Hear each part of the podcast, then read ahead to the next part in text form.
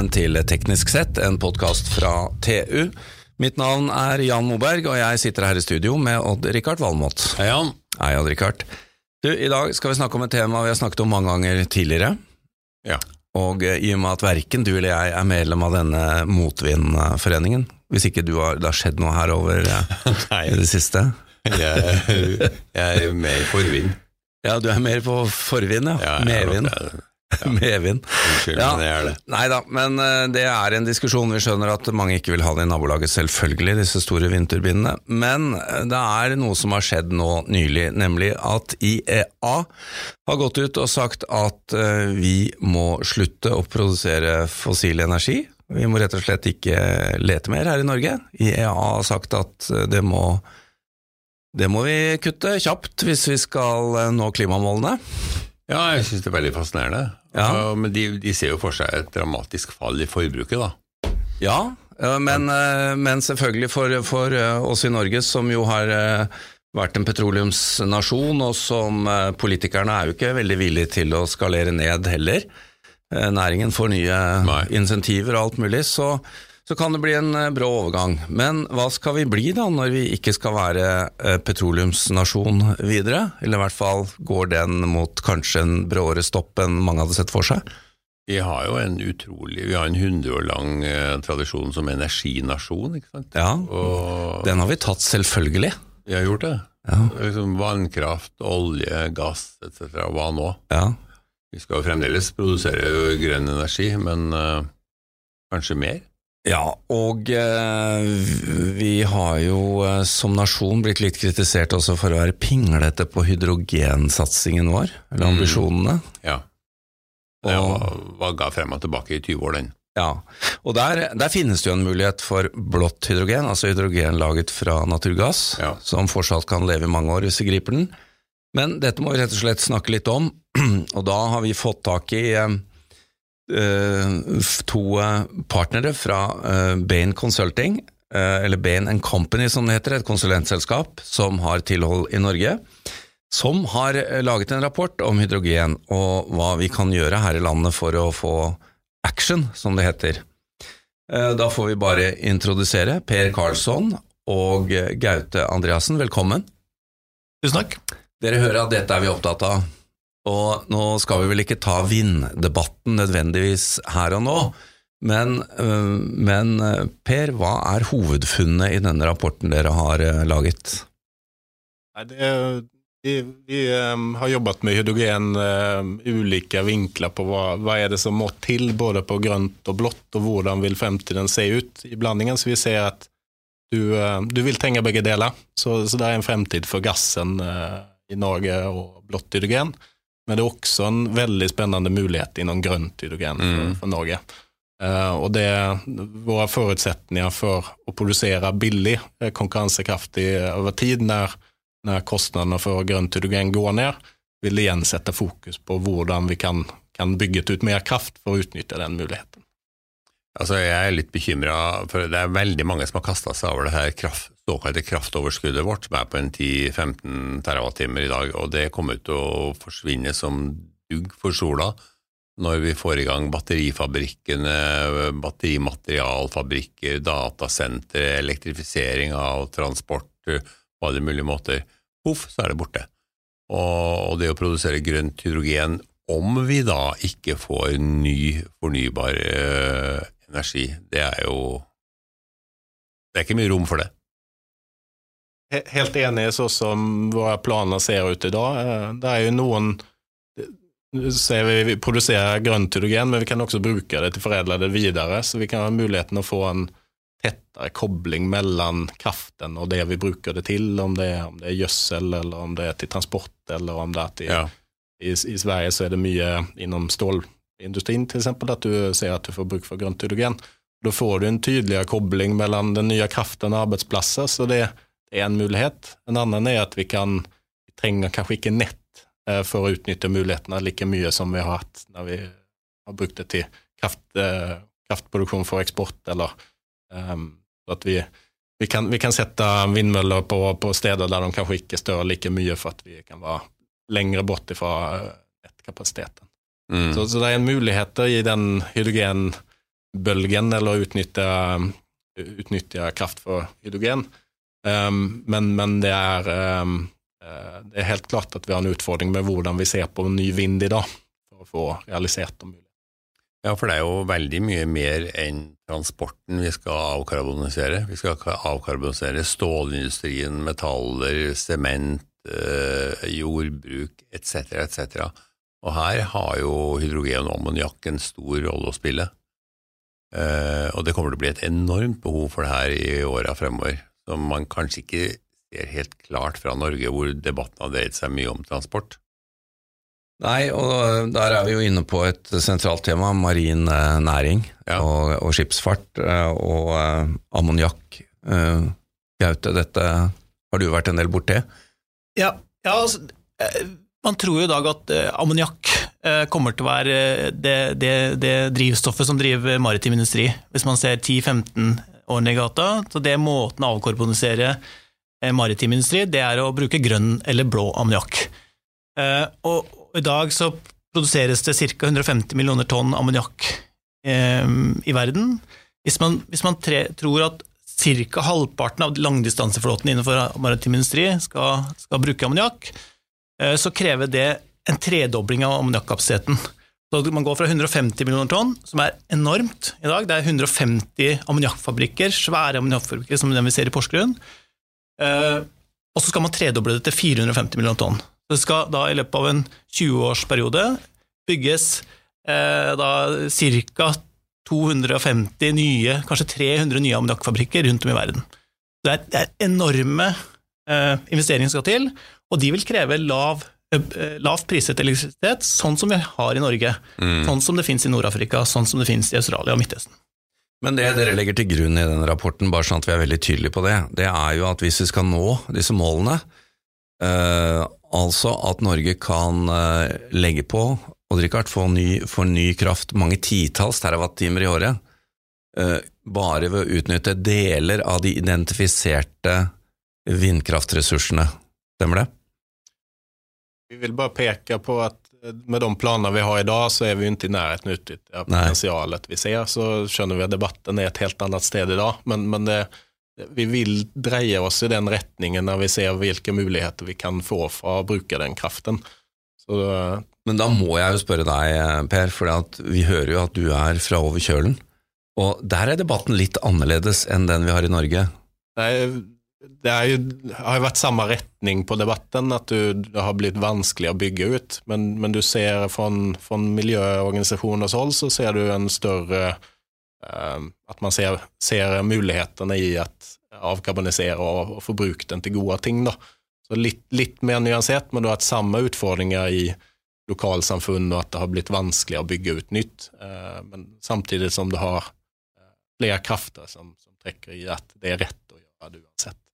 Og Norge har jo fått kritikk, eh, også her hjemme fra, fra, enkelte grupper, som mener at vi har jo et fantastisk potensial, men vi har gjort veldig lite sammenlignet med ambisjonene i Europa.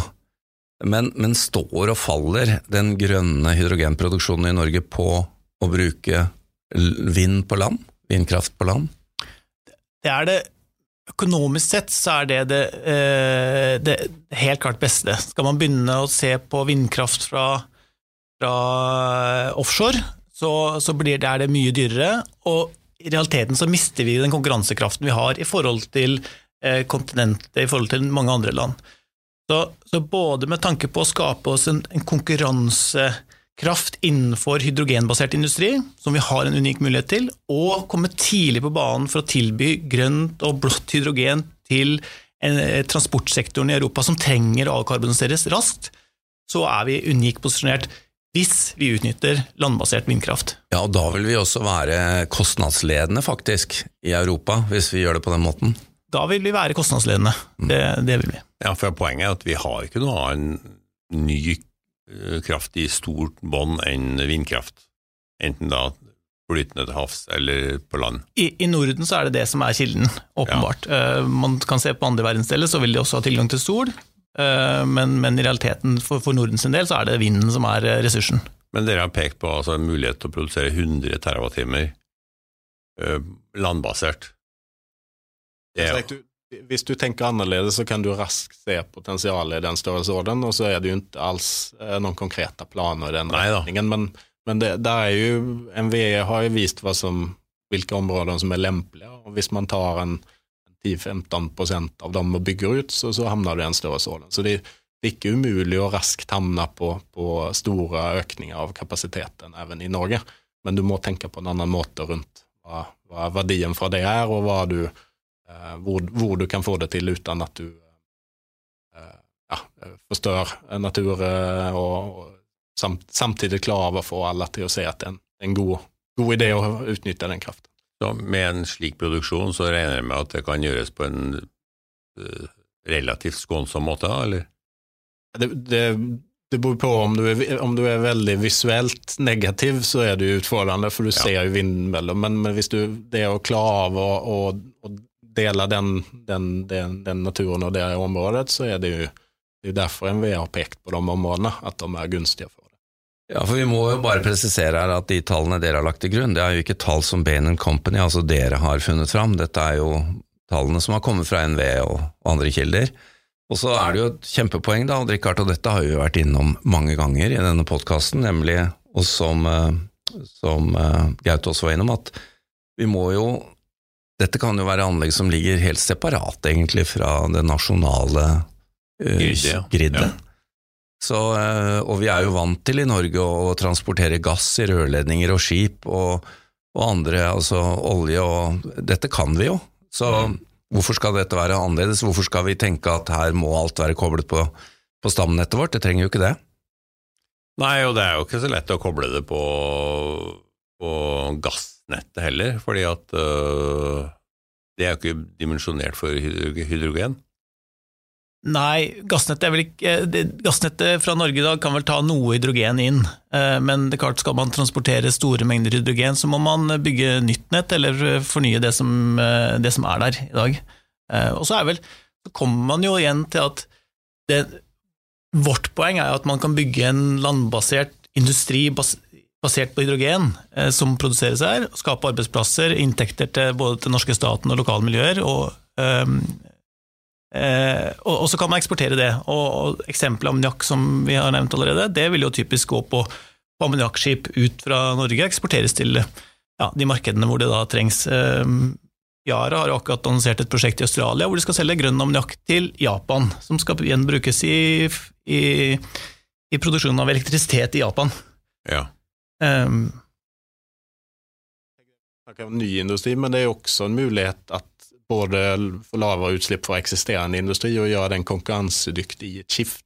Så, så den, de eksisterende utslipp vi har, mye av det kan vi adressere med grønt eller blått hydrogen, og da få uh, ytterligere sterkt den konkurranseposisjonen fremover i et, i liksom et skifte der man kommer måle de eh, kiloene på, på og å gjennomføre ulike produkter på en annen måte enn hva vi gjør i dag.